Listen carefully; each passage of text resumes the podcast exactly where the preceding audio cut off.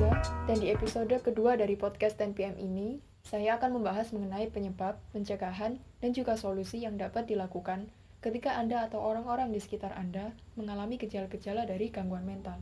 Di episode sebelumnya, saya sudah membahas mengenai gangguan mental secara umum, mulai dari pengertian, jenis dari gangguan mental yang paling sering diderita, gejala-gejala yang mungkin dialami, juga sedikit pembahasan mengenai solusi atau penanganan yang dapat dilakukan ketika Anda menemui gejala gangguan mental pada diri Anda atau orang-orang di sekitar Anda.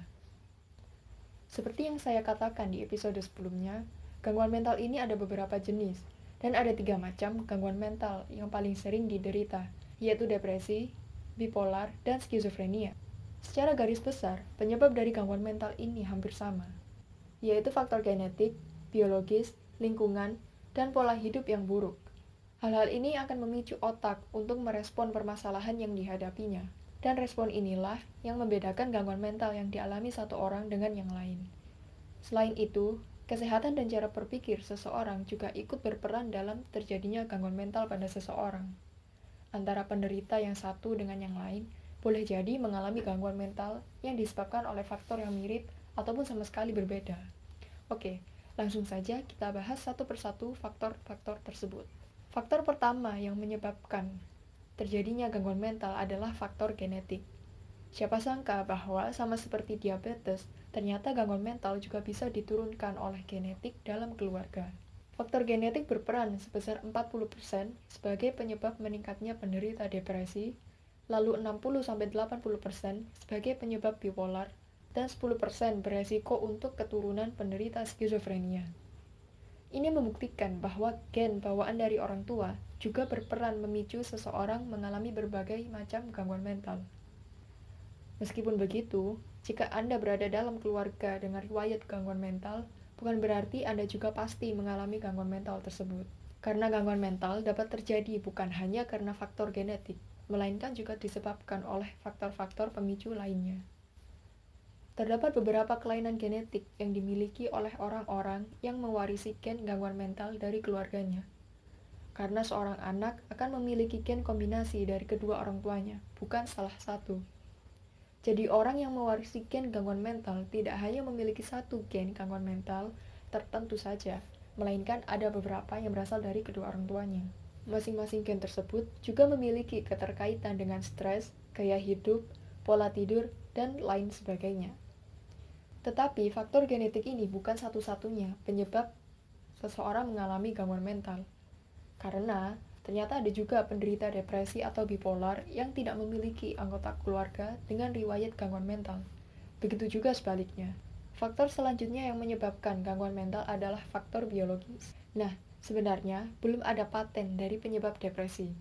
Salah satu teori yang dikembangkan mengatakan bahwa depresi dapat disebabkan oleh faktor biologis, yang berupa ketidakseimbangan zat yang terjadi secara alamiah di area yang disebut neurotransmitter, norepinefrin, dan juga dopamin. Meskipun zat-zat biokimiawi otak terlibat, tetapi penjelasan ini masih terlalu sederhana. Karena otak memiliki dimensi kekompleksan dan juga depresi, tidak hanya disebabkan oleh satu faktor, tetapi kombinasi dari beberapa faktor lainnya. Penurunan kadar serotonin, norepinefrin, dan dopamin dapat menyebabkan seseorang merasakan emosi-emosi negatif, sehingga emosi negatif ini yang mungkin menyebabkan seseorang merasa sedih dan kesulitan mengontrol stres. Sehingga emosi-emosi yang dirasakan orang ini tadi dapat mengarahkan seseorang pada gangguan mental. Ketidakstabilan hormon dan juga zat kimia dalam otak menjadi faktor biologis yang menyebabkan seseorang mengalami gangguan mental. Nah, hal yang sama juga terjadi pada penderita bipolar dan skizofrenia. Mereka memiliki struktur otak yang berbeda dari orang normal, serta ketidakseimbangan hormon dan juga zat kimiawi pada otak mereka. Lalu untuk penderita skizofrenia, mereka juga memiliki koneksi sel-sel pada otak yang lebih sedikit dari orang-orang normal. Lalu selanjutnya ada faktor lingkungan yang diduga menjadi salah satu penyebab dari gangguan mental.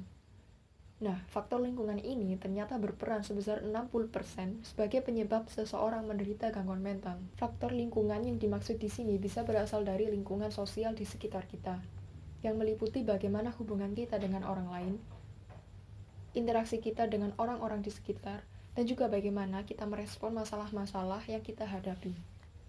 Selain itu, faktor lingkungan yang dapat memicu seseorang mengalami gangguan mental bisa berasal dari trauma yang pernah dialami dan juga tingkat stres yang tinggi.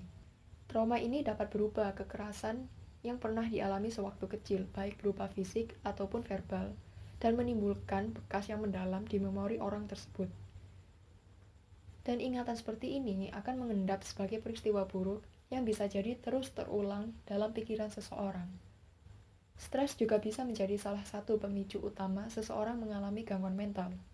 Stres yang biasanya berasal dari permasalahan-permasalahan seperti pindah ke tempat baru, kurang tidur, dan ada masalah di kantor ataupun tempat lain akan sangat berbahaya jika tidak segera ditangani.